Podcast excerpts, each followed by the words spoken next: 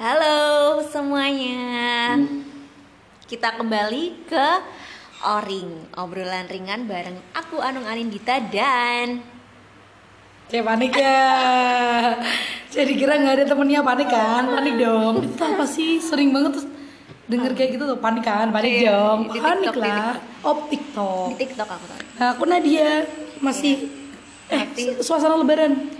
Masih barengan Nadia. Oke, masih suasana lebaran eh, kita kami dari tim podcast Oring. Aku geli denger.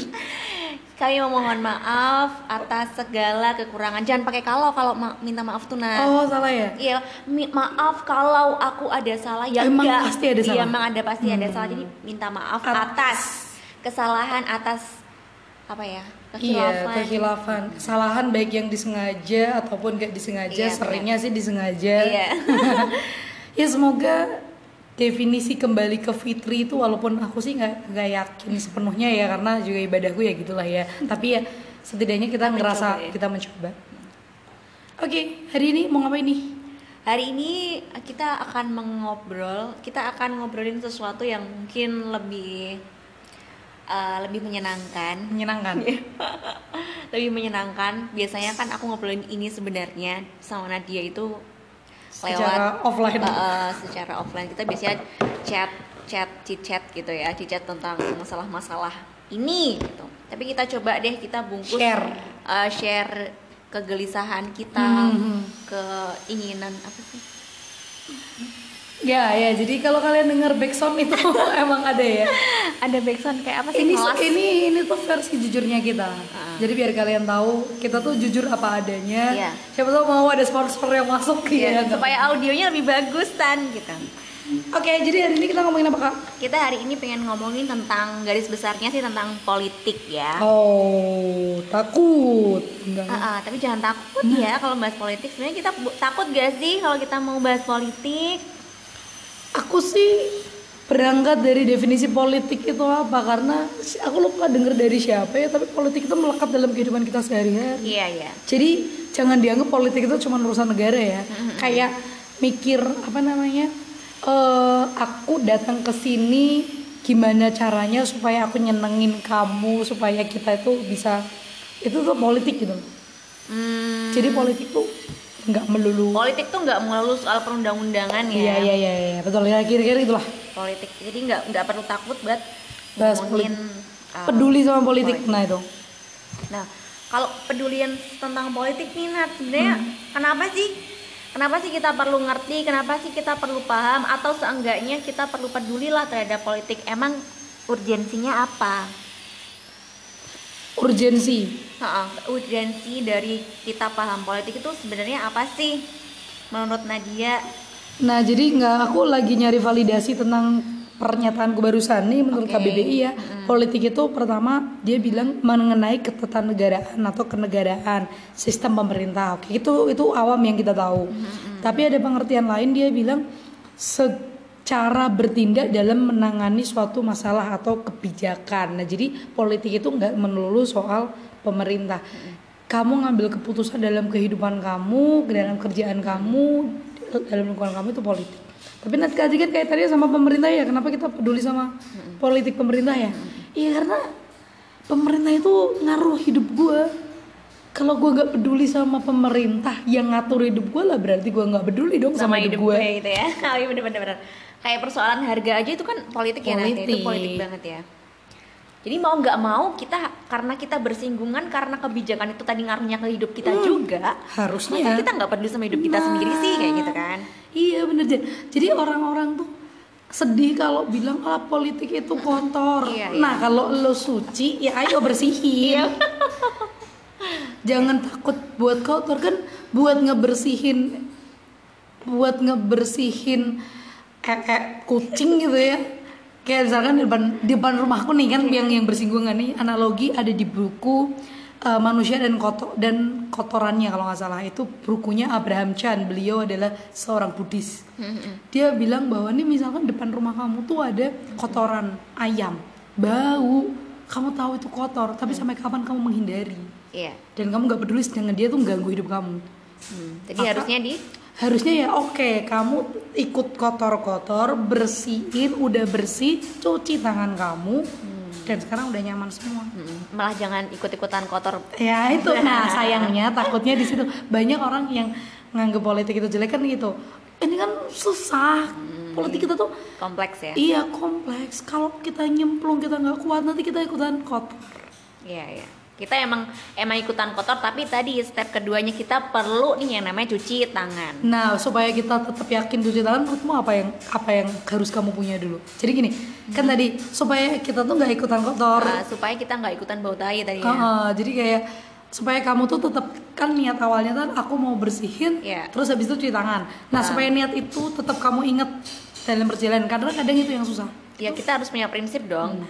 Oh, itu, iya. itu idealisme. Idealisme itu penting. Penting. Uh, ngomongin tentang idealisme nih, Oke. Nat. Ngomongin tentang idealisme itu. Disambung-sambungin apa apa Iya, nyambung? tapi ini kayak nyambung banget dia tuh kayak bener-bener ini ngomongin tentang idealisme itu uh, yang lagi trending dan banyak diomongin dan bahkan sampai record ini dimulai ya uh, ini masih masih trending gitu kasus ini Langsung. apa namanya apa namanya Kasus apa kasus ini tentang Komisi Pemberantasan Korupsi Wow, oh, KPK. oh. KPK itu kan dibentuk oleh kelompok-kelompok yang tadi kata Nadia, kelompok-kelompok yang idealis. Hmm. Nah, tapi kan isunya kan sekarang kayak apa sih, Nat? Isunya sekarang KPK, KPK itu kayak mm, mati suri. mm, apa? dilemahkan dan Oh, lain sebagainya. Iya. Katanya ya, tapi Ya katanya. Enggak, dia mungkin kalau dilemahkan itu ya tapi aku sih yakin karena kok tadinya aku mau bilang kalau dilemahkan kan kita seolah-olah ngasih Obat itu tidur. tuh dia dia tuh dia tuh udah pasti ada orang yang melakukannya. Hmm, Tadinya aku mau bilang ya belum tentu siapa tahu dia terlemahkan.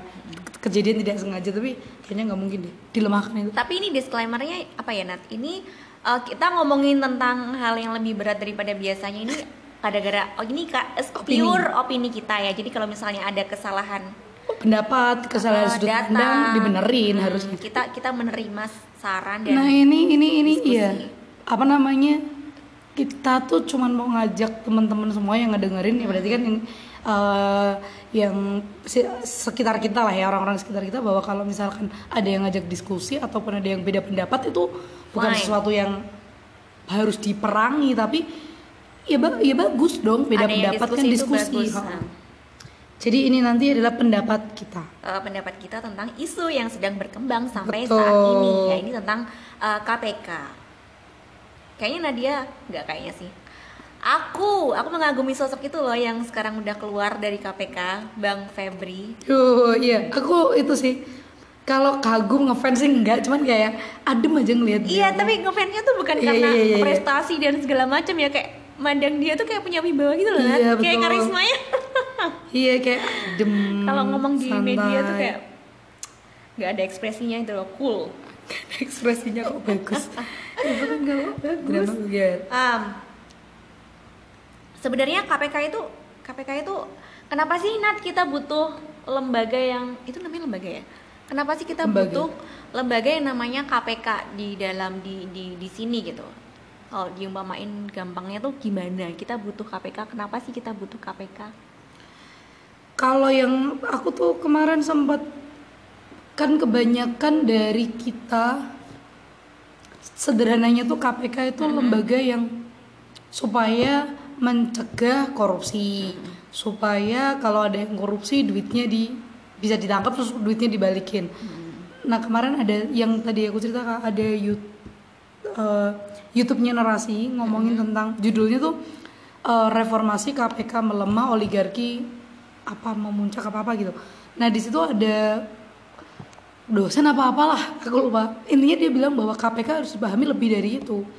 Hmm. Dia itu sebagai yang mencegah, memastikan bahwa pemerintahan ini berjalan baik-baik saja. Nah kontrol. uh, Terus kalau aku tarik mundur ya aku kan lagi baca buku tentang Orde Baru gitu Oh ya. iya iya tadi ya. Hmm. Itu tuh gini. Di lingkup paling ke, Orde Baru, eh, Orde Baru itu kan syarat akan korupsi katanya ya ya. Walaupun yang nggak tuntas atau ada yang bilang enggak. tapi kan kita tuh pernah ngerasain gimana rasanya pimpinan kita itu korup banget. Indonesia tuh pernah ngerasain itu sampai akhirnya krisis. Nah kan nggak pengen itu terjadi lagi karena waktu itu isunya atau bahkan faktanya ya mungkin yang aku tahu itu fakta ya karena banyak orang yang ngomong.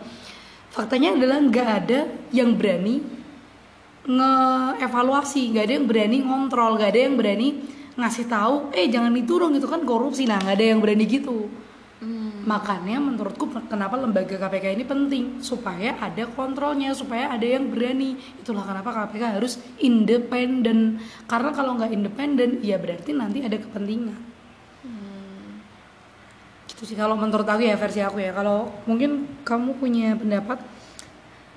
Oh, em, iya sih. Aku setuju yang poin bahwa KPK itu harus tadi independen supaya posisinya tuh nggak sama gitu. Bayangin aja kan kalau misalnya posisinya sama, uh, posisinya sama, aku nggak bisa negor kamu gitu loh. Nat. Secara Iya. lebih maksimal. Mm-mm. Nat, kamu salah, kita salah jalan. Aku nggak bakal punya kekuatan sebesar itu untuk Mm-mm. mencegah kamu untuk nggak berbuat seperti itu. Tapi kalau misalnya posisi aku lebih tinggi, kekuasaan aku lebih tinggi, nah pasti aku lebih bisa ngerem gitu ya. Iya, betul. Tapi gini sih kalau definisi independen menurutku juga nggak bisa dibilang lebih tinggi atau lebih rendah. Oh, oh bukan gitu kepisah ya. aja. Kepisah dia punya kekuasaan tersendiri. Nah, iya iya iya independen kan tidak bergantung. Jadi nggak ada Iya, bener-bener. Nah, nggak bergantung. Ya udah, ya udah kepisah aja bukan berarti lebih tinggi juga karena tetap lembaga tertinggi. Eh nggak ada, kita nggak punya lembaga tertinggi. Kan kan kita Hmm. Rakyat. tadi, heeh. Eh, itu kedaulatan tertinggi betul. Nah itu maksudnya ya harusnya emang kepisah aja itulah kenapa KPK harus independen. Contoh paling sederhana aja kalau misalkan nih aku di keluargaku deh, maksudnya di keluarga inti. Ini ngomongin tentang kalau kita analogi ini ya, bapakku tuh pem- kepala pemerintahan, ibuku tuh menteri keuangan kan biasanya analoginya gitu nih. Iya. Aku tuh rakyat katakanlah.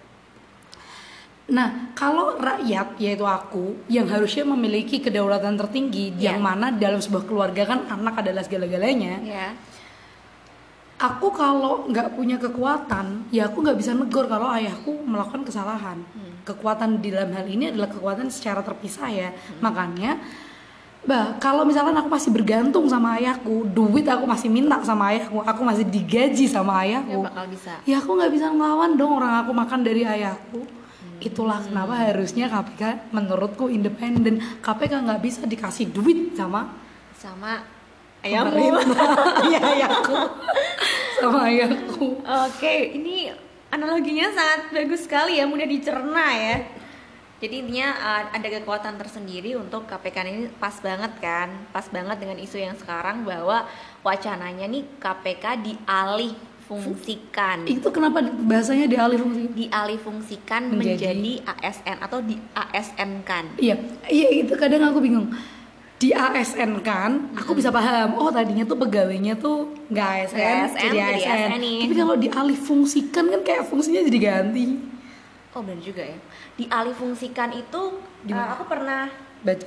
Uh, kemarin aku dengerin ya kayaknya ya dialih fungsikan diasumsi kayak aku baca eh, bukan baca aku dengerin diasumsi dialih fungsikan itu harusnya dia em, beralih maksudnya di- dipindahin aja orangnya itu loh Nat. jadi yang nggak nggak ASN Fungsi jadi tetap jadi ASN tanpa adanya embel-embel ujian kayak gitu loh oh, Har- harusnya Oh pengalihannya ya udah Pengalihan, dialihkan, dialihkan aja. aja kayak dipindahin aja tempatnya Nggak usah gitu. daftar ulang. nggak usah pakai eh, disaring-saring lagi Iya, iya, harusnya iya, sih iya, seperti iya, itu. iya, iya, Tapi iya. kok ini kenapa sih kok perlu di tes tes lagi gitu? Apa apa perlu apa apa perlu diraguin nih Mm-mm.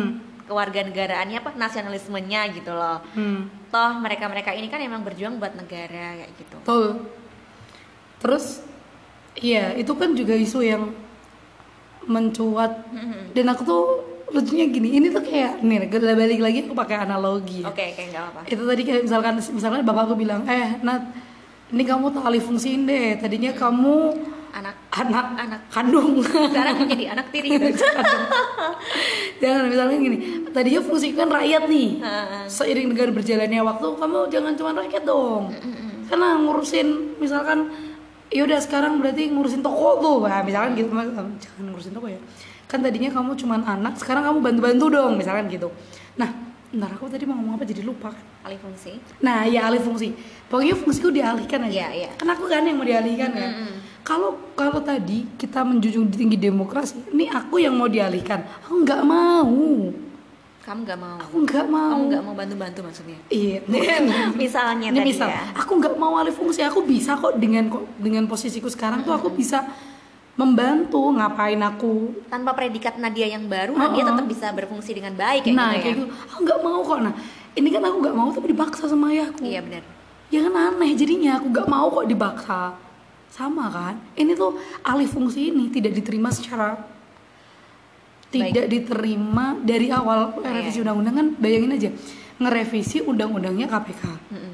si KPK-nya sendiri demo. Nggak mau direvisi kan aneh iya sih menurutku sembilan tapi tetap kali ya btw itu ya itu tapi tetap direvisi itu kayak itu kayak pemaksaan gitu jahat nggak sih iya eh, nggak maksudnya Ah, kalau kita nggak tahu sih jatah apa nggak mungkin ada kelompoknya sama-sama idealis gitu loh ayahku ayahku jahat Oh iya, oh enggak dong yang baik. ini tuh sama-sama ada. Kalau kita mau berpikir secara kayak diimbang-imbangin gitu Hmm, ya, gimana? diimbang-imbangin.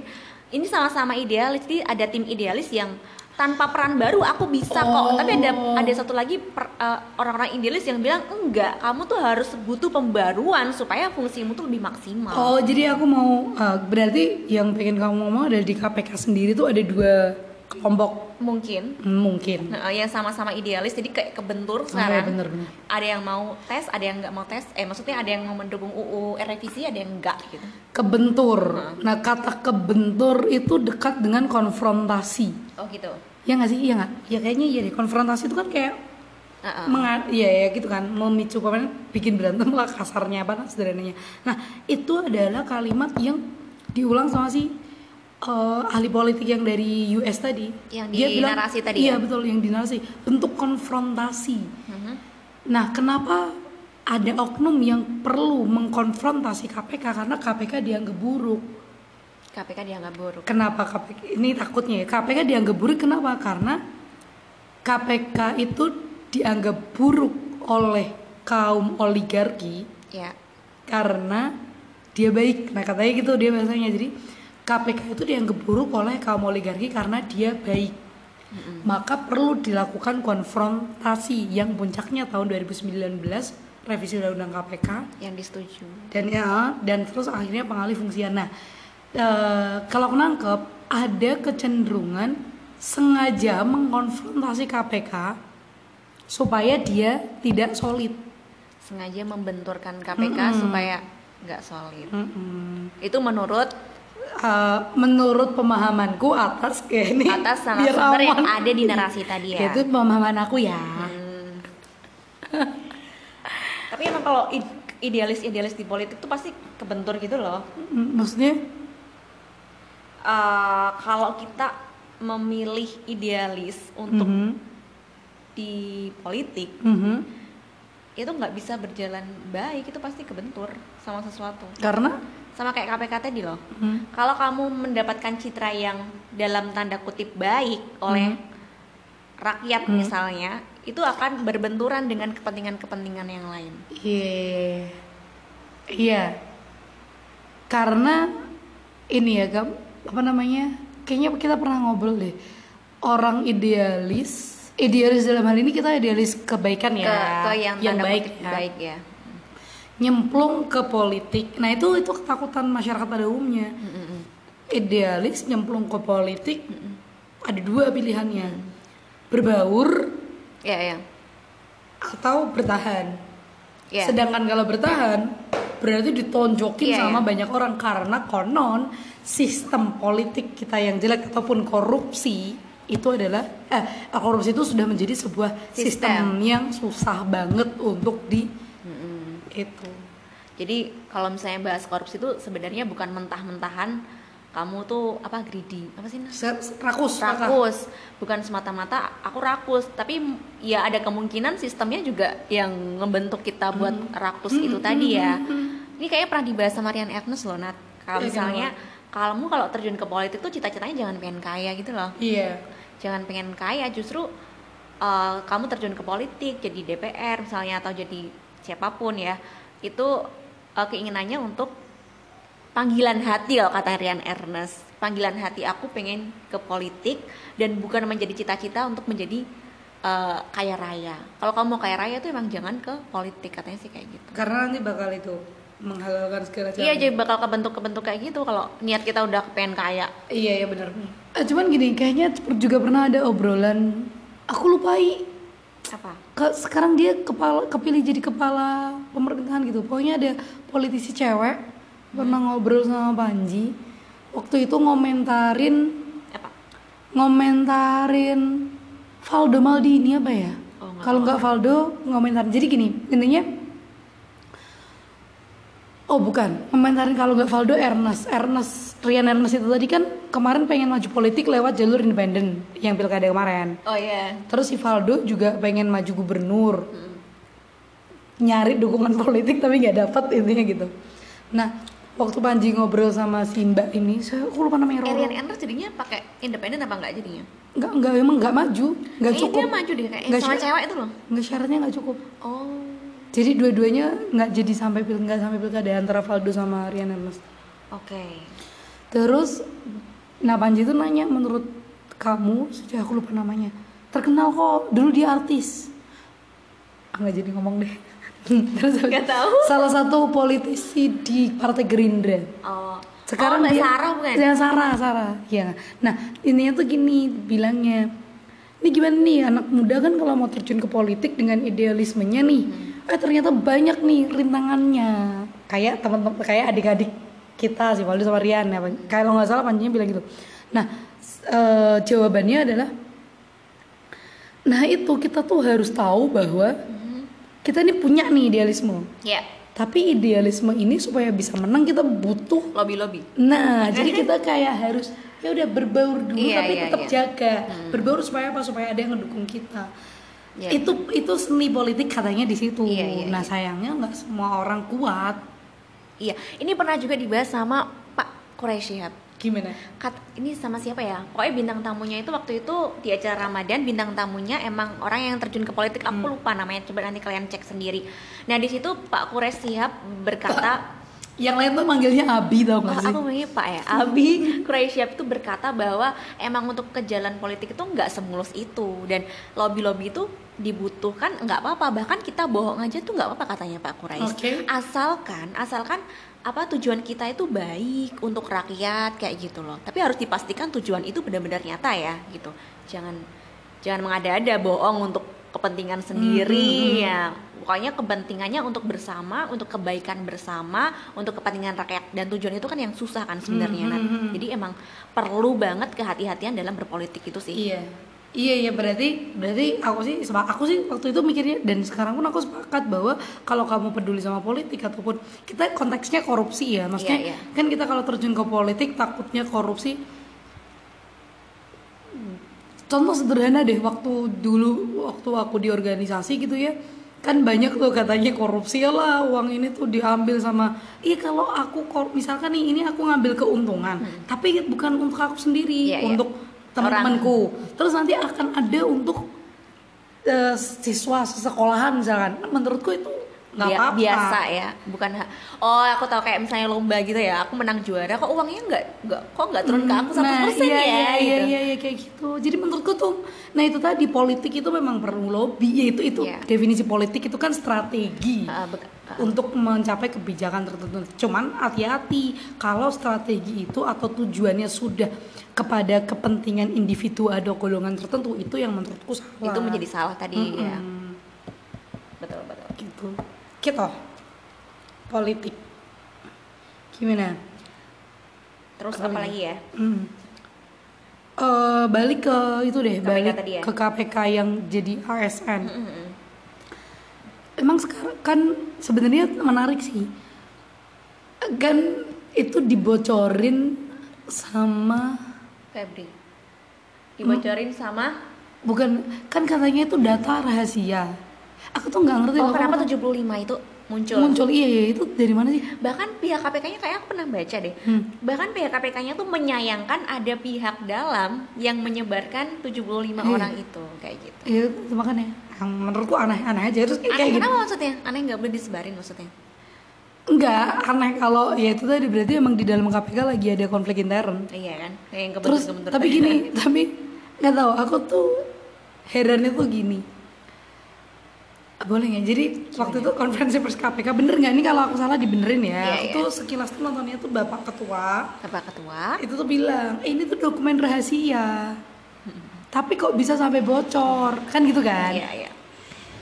pertama kali dengan kalimat ini itu rahasia rahasia KPK kok bisa sampai bocor terus aku tuh sebagai rakyat tuh bilang lah kan lembaganya anda Ada yang cepu berarti ya? iya tahu kenapa saya betul lah kau tanya ke saya tuh tuh kayak Oh, aku tahu kayak kayak apa ya? Kayak aku curhat gitu loh. Nih, Oh. nih keluargaku ada yang ini loh, ada yang mengkhianatiku loh. Kayak Oh, gitu lah, kayak update story gitu.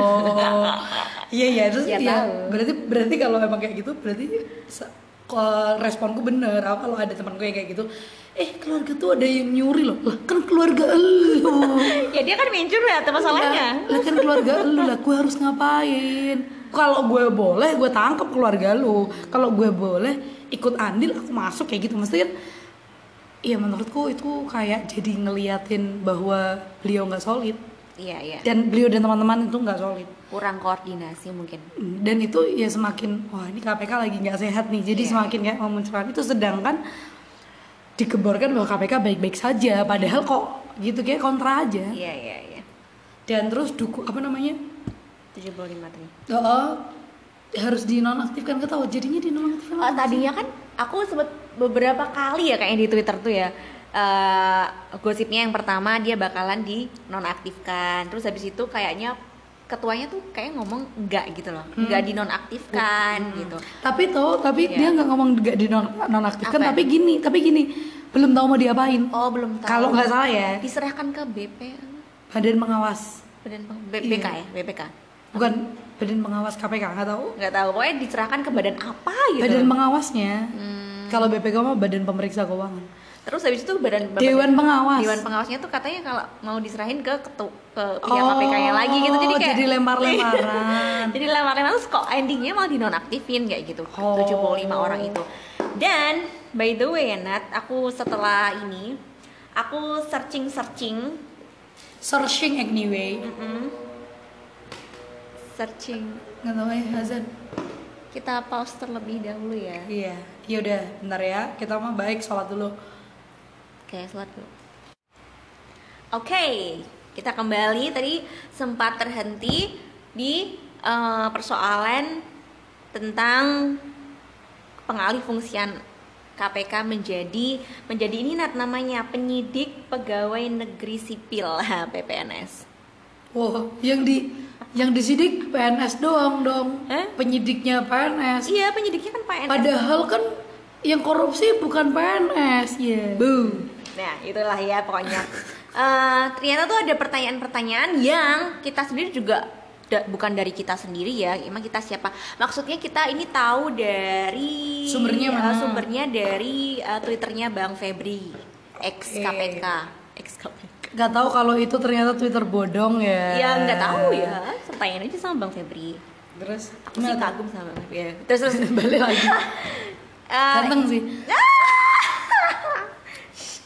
apa namanya eh, tes kebangsaan. Nah, jadi di tes TWK itu kan emang setiap setiap PNS di setiap seleksi ASN tuh kan ada tesnya ya Nat dan emang ada tes TWK itu loh yang biasanya eh, ini terimplementasi dalam sila ke bla bla bla gitu dan emang susah sih kayaknya pertanyaan-pertanyaan seperti itu. Nah, ada pertanyaan-pertanyaan yang ternyata di-up nih sama Bang Febri terkait pengalih fungsian KPK jadi ASN tadi. Nah, aku sih pengen coba nih Nadia jawab pertanyaan-pertanyaan yang di-up sama Bang Febri di KPK ini ya. Eh, di Twitternya dia ini Hmm, ya. benar. Berarti itu maksudnya adalah pertanyaan ini, Pertanyaan pertanyaan, ini yang diujikan kemarin. Yang diajukan ke eh, seribuan orang di KPK. KPK. Hmm, Dan nanti kalau aku bener, eh ada kunci jawabannya nggak? eh, ini enggak.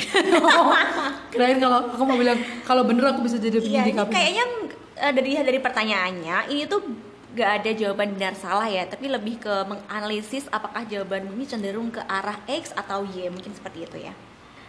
Pertama perihal, aduh aku lupa sih spesifiknya apa, tapi perihal doa kunut. Kalau Nadia sendiri ngelakuin nggak itu doa kunut setiap subuh itu loh Nad?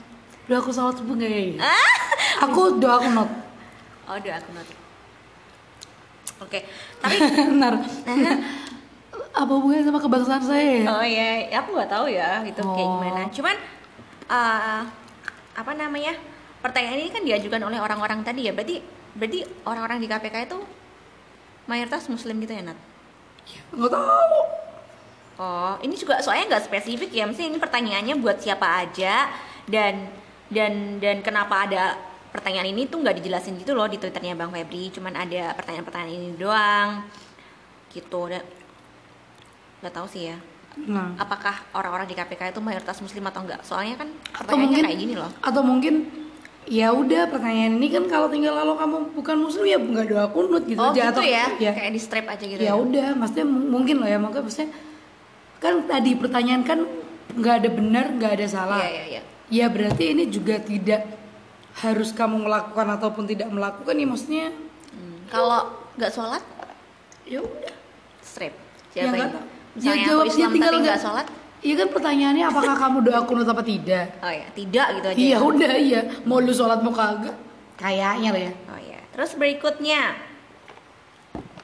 Eh, kenapa sih belum menikah?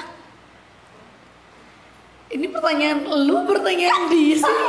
ini pertanyaan di Bang Febri kayak gitu Masa sih? loh. Ha, kenapa belum menikah kenapa Nadia belum menikah Kalau aku jadi pegawai KPK aku bakal bilang karena saya fokus pada pemberantasan oh korupsi. gitu ya kalau kamu Pegawai KPK tapi kalau sekarang kamu kan, pegawai KPK kamu bakalan karena Bisa gitu. fokus iya supaya lolos. kalau sekarang Supaya lolos supaya nggak nggak ikut di daftar yang 75 oh gitu ya oh biar aku eh, biar aman. citranya jadi bagus, Bagus. nih kemudian aku ngomongnya kayak gitu ya gitu ya oh bisa bisa Nggak tahu ya aneh ah. nah dia masih punya hasrat nggak Asal apa? Kan Ini- ini, ini mau- menikah coba ini ada berhubungan loh ini menikah terus punya hasrat ya kamu masih pengen punya hasrat nggak buat menikah mungkin ya atau Ih. berpasangan kenapa kamu ngerasa privasimu diungkit-ungkit Iya apa hubungannya? Oh gini. Oh oh. Oh kita kan mungkin ini kalau nggak punya hasrat. ya berarti kita terus nanti manusia. ditanyain terus nanti ditanyain hasratnya sesama jenis atau enggak wah LGBT nih wah LGBT itu tidak Panjang sesuai ya? kebangsaan Oh, malah panjang. kita mungkin gitu LGBT nggak sesuai kebangsaan ya panjang diurusin nggak sih di kebangsaan nggak tahu ini panjang nih kayaknya kalau tahu. masalah LGBT ya ya nggak tahu Oke, next. Siap nggak jadi istri kedua? Orang tadi aja masih ditanya masih punya, punya hasrat nggak nikah? Eh, ini kayaknya ini kayaknya bikin pertanyaan nyari jodoh deh Ini kontradiktif eh, iya ini. bener ini yang nyari pertanyaan eh yang bikin pertanyaan lagi nyari jodoh Oh, gitu. kamu doa kunut nggak kalau doa kunut berarti seiman Seiman sama aku. Iya, Oke. kamu Belum kenapa nikah? belum nikah? Kalau belum ketemu jodoh, aku, Aku jodohku. jodoh. Masih punya hasrat gak? Kalau punya hayu. Tapi istri kedua mau apa enggak gitu kan Karena ya? karena sih membuat udah punya istri. Iya kali. Ini kok ini teori konspirasi. Nadia ya. Iya, iya, iya, iya. Ya abis. Ya oke, aku jawab ya. Ini kan jawab ya. Aku sebagai pegawai KPK nih pura-puranya nih. Siap nggak jadi istri kedua? Tidak, Tidak ya. karena eh pancas satu-satunya Panca- Pancasila itu satu-satunya, Indonesia itu satu-satunya, istri juga satu-satunya dong. Oh, itu adalah jawaban nasionalis yang paling romantis. Iya dong. Eh, yang terakhir, terakhir. Eh, Nadia pernah pacaran kan? Pacarannya ngapain aja? Kebetulan aku tuh emang owe lahir ke dunia ini aja nggak owe kak. Oh iya, oh, iya, serius. Merdeka, merdeka, merdeka. Itulah kenapa aku masuk ke KPK. Jadi pacaranku tuh kalau pacaran pada umumnya nontonnya apa sih Marvels, eh nontonnya Dylan. Aku enggak, aku nontonnya Apa dah? eh Sejarah. G30 SPKI. bukan. Ya itu salah satu G13 PKI. Kemudian eh, proklamasi dokumenter. Iya, Terus kalau makan itu Indonesia Raya dulu. siapa yang Gitu. Oh, iya, jawabannya sebenarnya bisa kita ini ya Iya. kreatifkan sekreatif mungkin ya. supaya nggak jadi 75 daftar 75 orang Iya, yang iya, gagal. iya. Kayaknya yang gagal karena Mungkin hidupnya terlalu jujur ya. Mungkin dia terlalu jujur kayak nonton Dilan gitu doang ya. Nonton Dilan dia jujur jujur tapi malah nggak lolos Mungkin, loh. mungkin. loh kan KPK butuh kejujuran Kita mungkin harus tahu juga ya jawaban-jawaban mereka ini sebenarnya apa ya. Yang nggak lolos ini loh Nat. Kita Iya. perlu selidiki j- jawaban-jawaban yang lolos ini mereka tuh pernah jawab apa. Ini seru Ini- banget sih. gini deh kan tadi katanya nggak ada kunci jawaban kamu kan kamu kita sepakat Menurutku kayak yang ini nggak ada kuncinya ya. Kita nggak sepakat nggak ada jawaban benar nggak ada jawaban salah Iya. lalu kenapa 75 orang ini digolongkan tidak lolos Iya, berarti kan ada jawaban. berarti ada aneh. iya dong berarti ada ada ada ada patokan dong Ya mungkin mereka jawabnya nggak sesuai kali kayak nggak tahu kayak gitu loh. kayak pacaran pernah ngapain aja? Ih, Bukan kepo. urusan. iya kali ya Gitu mungkin iya, jawabannya. kurang ajar itu kurang ajar Aduh lucu. Itu kalau emang bener ini pertanyaannya Kenapa? Alasannya nggak jelas ya? Krit- kriterianya nggak jelas. aku nggak berani bilang nggak jelas ya karena kan keilmuanku cetek ya Oh iya, iya. Tapi please orang-orang di luar sana yang punya keilmuan yang lebih mapan daripada saya terus tahu pernyataan ini kalau pernyataan ini bisa mencerminkan tentang wawasan kebangsaan tolong jelasin Eh Nat, sorry, ini ternyata ada pertanyaan kelima. Oh, ada apa? Apakah Anda setuju dengan LGBT? iya tadi kan Ini panjang sih kalau bahas kayak gini mah. setuju dengan LGBT Tapi relevansinya apa gitu loh dengan tugas KPK dengan LGBT? mungkin bukan ha- harusnya nggak kita nggak nggak langsung ngarahin dia ke tugas KPK Oh, tapi ke gitu ya. kebangsaannya ke Nah, wawasan kebangsaan Ke diri dia dulu gitu ya.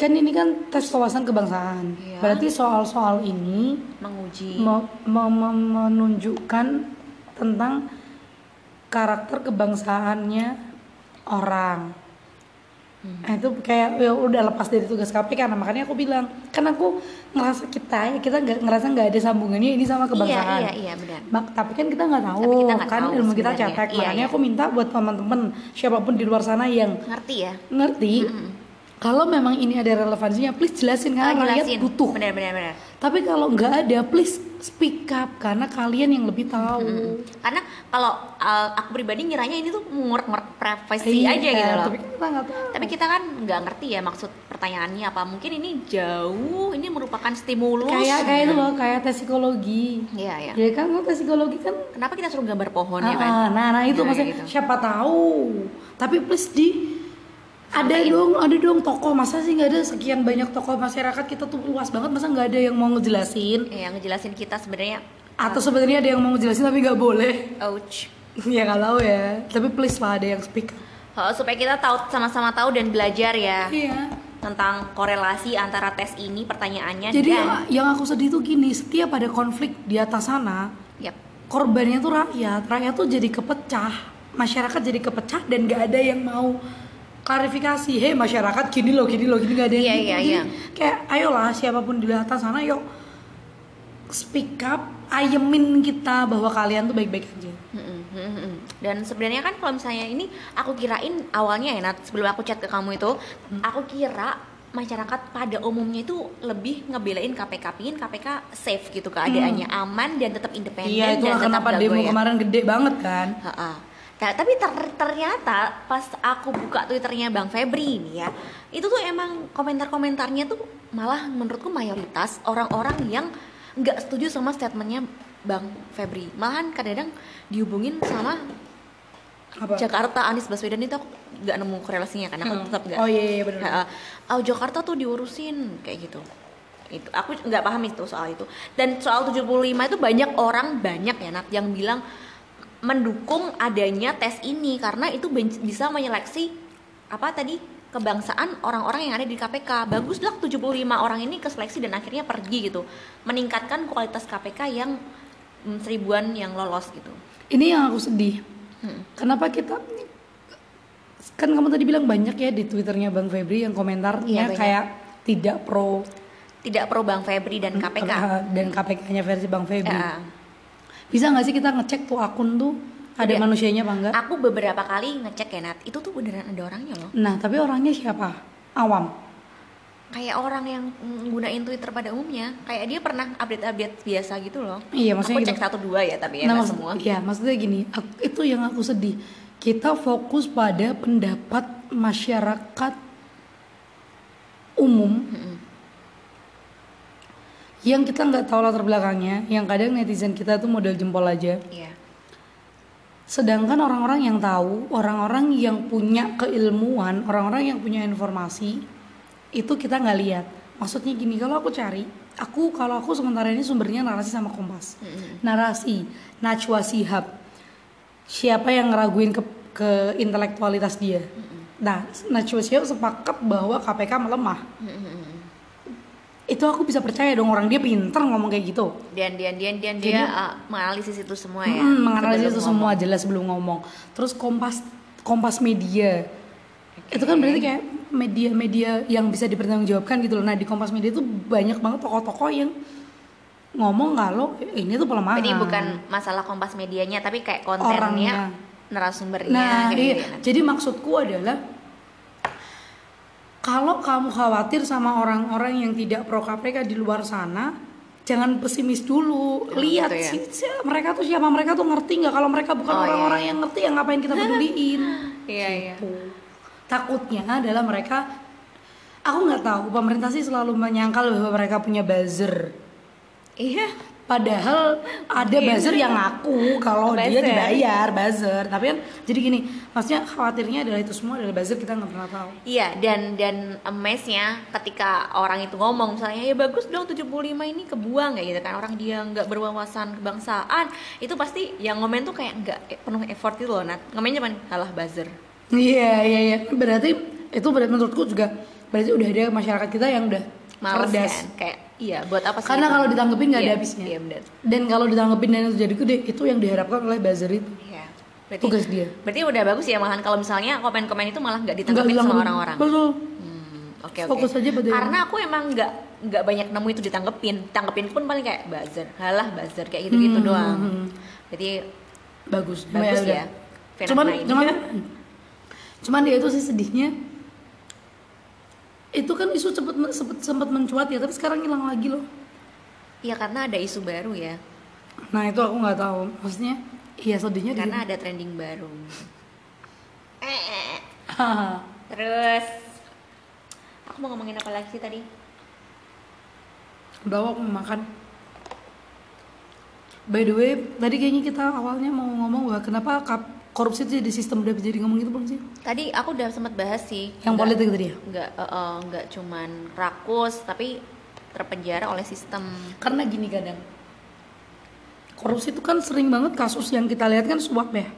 Suap ya ini aku punya partai aku aku politisi dari sebuah partai Iya. supaya partai itu duitnya dari mana sih kalau bukan dari iuran anggotanya?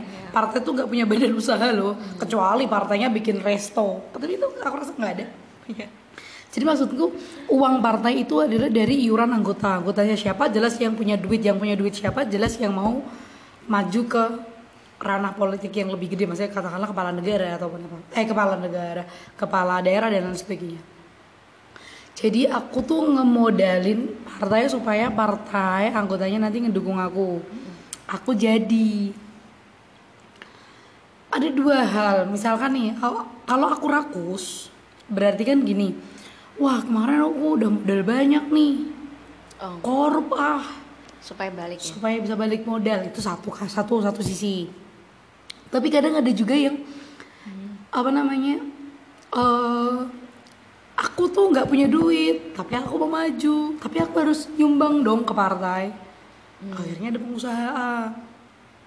Nih tak bantuin nih. Maksudnya dia sponsor gitu Nah, nih sponsor. Eh jadi begitu jadi gini, misalkan awalnya kalaupun ya ini kalau kita nganggep si orang ini yang mau maju kepala daerah ini adalah orang yang baik. Iya. Terus ya awalnya nggak ada yang udah ini, ini pure saya senang sama anda kamu karena- Nah, gitu.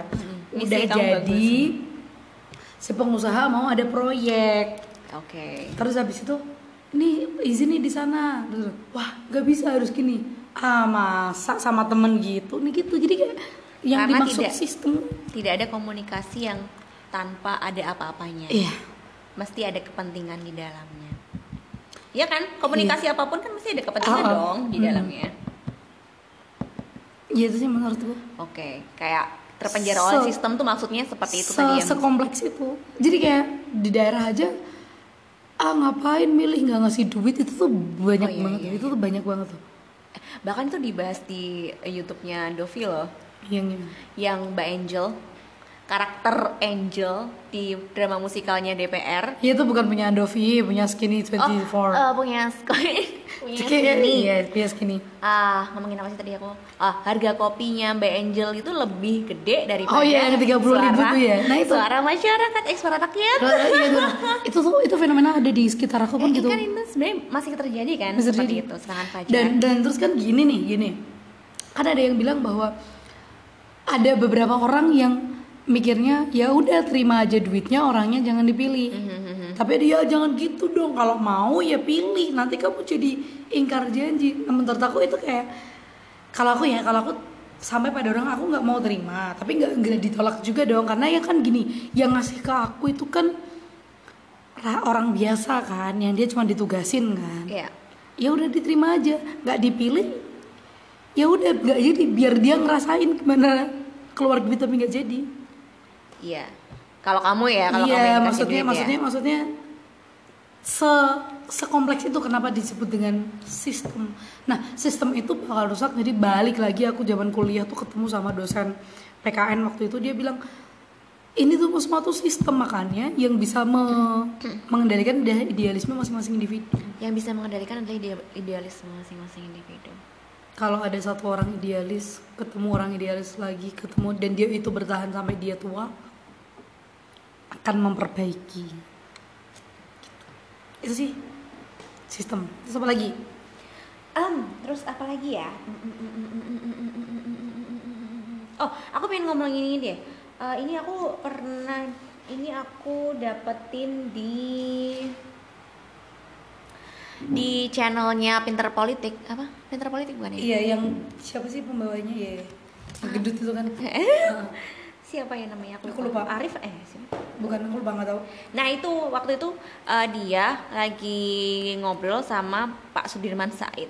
Mhm. Di situ ngobrolin tentang Pak Sudirman Said dan kasusnya di penjara nggak sih beliau Pak Sudirman. hmm. nggak tahu aku pokoknya si si si eh, hostnya host so, so, deh hostnya di situ tuh ada beberapa jadi kayak ada tiga host bersama eh, satu Pak Sudirman Said gitu loh jadi ketiganya itu ya waktu itu ngomongnya kayak lebih ke pro ke Pak Sudirman Said dia kasus apa aku lupa yang pas ESDM ya SDM ya dia menteri SDM Uh, nah kan dia di, di Depak kan, Mhm. itu bukti bahwa ternyata idealis kalau dibenturkan politik ya kalah oh gitu loh.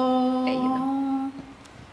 Um, nah Pak Sudirman Said itu dia bilang kalau misalnya uh, KPK itu kan produk orang-orang yang idealis kayak tadi karena dia bilang bahwa orang idealis kalau kumpul sama orang idealis dia bakalan menjadi kuat Hmm, gitu nah ya. ya, mem- kuat memperbaiki dan kalaupun itu akhirnya dibenturkan berarti ada sesuatu yang terjadi Hmm, oleh hmm. keidealisan itu.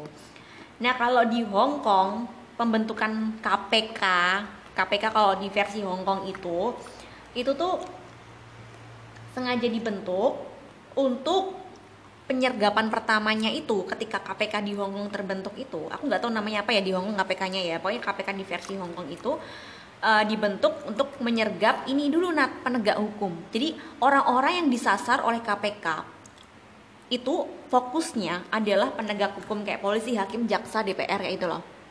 DPR iya DPR masuk nggak sih nah itu pokoknya Iya, dia, dia penegak hukum Nah, kalau misalnya penegak hukumnya itu tuh disergap dulu, bakalan di bawah-bawahnya tuh bakal lancar gitu loh. Gitu. Itu di Hong Kong. Menurut persepsinya Pak Sudirman Said nih, kalau di Indonesia tuh lebih random. Jadi eh, nggak terkesan kayak kurang strateginya itu loh, Nat. Random eh, nyomot ini nyomot ini. kesannya ada aja yang ada aja yang kena kasus korupsi tapi dia nggak terstruktur dulu ini dulu deh yang di ini ini dulu deh yang di kas ini Oh. fokusin ini dulu deh gitu Hmm. Indonesia kurang kayak gitu jadi kita lebih ke comot comot comot comot comot comot aja ya ada kasus ada prestasi cuman strateginya kurang gitu loh harusnya dipanah dulu dibidik dulu yang penegak hukum ah. Iya karena kalau KPK itu kan salah satu lembaga, kan ada banyak yang lain. Emang aku sih setuju ya kalau memang itu kejadian ya. Kalau KPK itu kan partnernya ya jaksa, hakim, terus polisi, DPR karena yang membuat undang-undang. Iya, iya. Kalau si orang-orang korup di lembaga-lembaga itu kena duluan, terus ke lembaga itu bersih duluan kan Iya, berarti iya, iya. mereka bisa bersatu memberantas dan itu tugas mereka. Ya, bi- ya setuju Make sih. sense ya? Make sense sih. Cuman yang ja- yang jadi masalah adalah kenapa kita tidak berstrategi. Kan Pak Sudirman saya tahu dan dan nggak cuman beliau dong yang tahu, Iya. banyak dong yang tahu dan aku yakin juga pimpinan kita banyak yang tahu dan kenapa itu tidak diadopsi. Iya. Nah, antara tidak diadopsi eh antara kalau tidak bisa mengadopsi kan berarti kenapa nggak bisa? Atau bahkan kalau tidak mau diadopsi ya nggak tahu kenapa. Kenapa Ya, itu- Atau nggak tahu? Eh, nggak mungkin, nggak tahu kalau ya? menurutku nggak mungkin Sudirman Said tahu kan dia bukan orang yang paling pintar di sini banyak orang yang lebih pintar dari Cuma dia kita nggak tahu ya alasannya kenapa kok nggak pakai cara yang sama atau strateginya nggak sama gitu. ya sebaiknya kalau memang ada ide kayak gitu tuh kasihlah ruang maksudnya diobrolin lah mereka mereka yang berkepentingan itu Ya harusnya diobrolin ya antara apa tadi misalnya akademisi, saintis kayak gitu Hmm. sama Pemangku. eh, pemangku kekuasaan. Karena menurut aku itu penting banget sih Nat. Orang-orang yang eh, ngerti di bidangnya, ngerti teorinya, sama yang ngerti, bergabung sama orang yang praktek. yang ngerti praktiknya itu bakalan tahu jalan keluarnya. Pengennya segitu sih. itu yang katanya Koni Bakri. Nah ibu Koni Bakri tuh katanya beliau gitu sedihnya tuh kadang akademisi itu cuman dijadikan semacam simbol. Nih ah, ah, kita udah rembukan sama akademisi kok. Tapi suara akademisinya nggak di nggak diwaro nggak di nggak di nggak di nggak diimplementasikan. Dan itu masih terjadi sampai sekarang karena di Hmm. covid misalnya di kasus covid kan sering banget nih kebijakan-kebijakan yang diambil. Ini coba kalau diskusi dulu nih sama pakar-pakarnya kayak bahkan lebih make sense mungkin ya.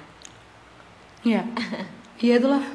Ya kita nggak tahu yang terjadi di atas sana. Oh iya bener. Mungkin banyak banget yang harus dipikirkan harus yang dipertimbangkan Tapi sebanyak apa pun yang harus dipertimbangkan kalau orang-orang penting di atas itu mikirinnya rakyat, menurutku kan setidaknya mereka punya satu kesamaan kan.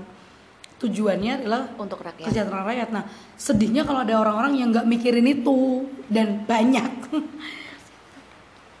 oh iya Gitu. Iya, iya, iya. Oke, kayaknya udah kepanjangan nih. Closing aja, Po. closing Mhm.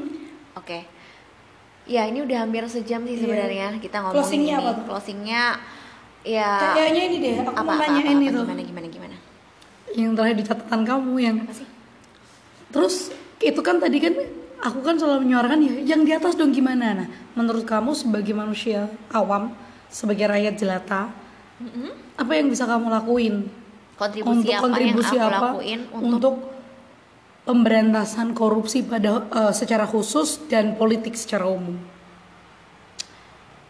Korupsi.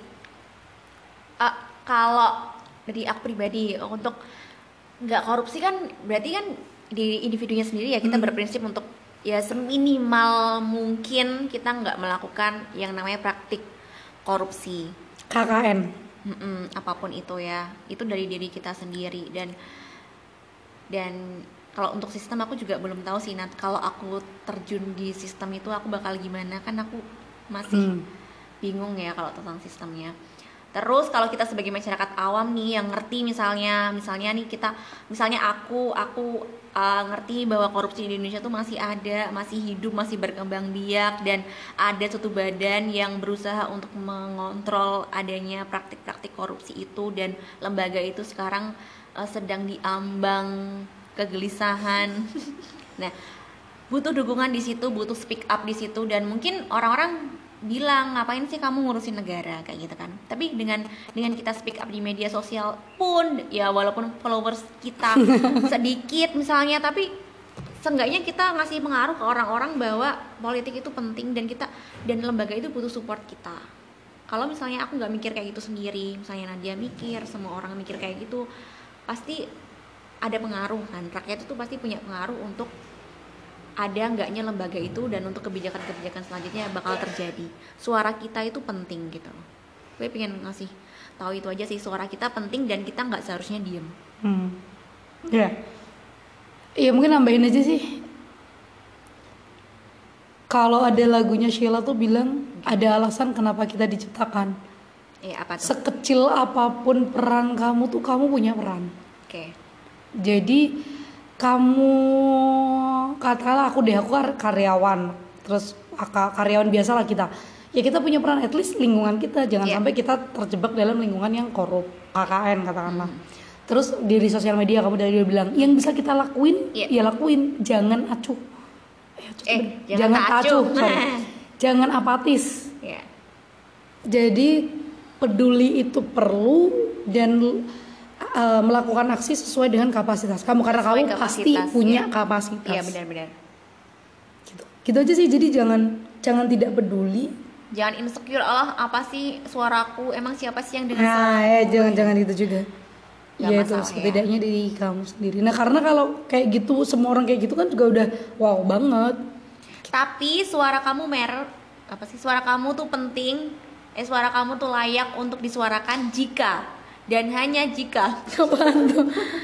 jika dan hanya jika kamu menganalisis dulu gitu loh kamu Oh iya, jangan asal jangan cuma gembor Betul, ya betul, betul, guys betul, betul, betul. Nah, Nah itu juga penting. Itulah iya balik lagi ke itu ke sekalian promo tuh podcast kita yang literasi. oh iya Iya itu literasi itu penting. Kita kan ngomongin AKM.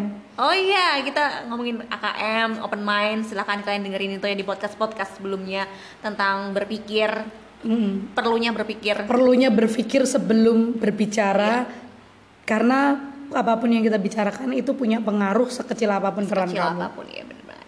Oke, Oke gitu guys. itu aja podcast kita hari ini. Sampai ketemu di podcast aku dan Nadia selanjutnya. Iya semoga bermanfaat. Tetap semangat. Tetap semangat. Bye bye. Bye.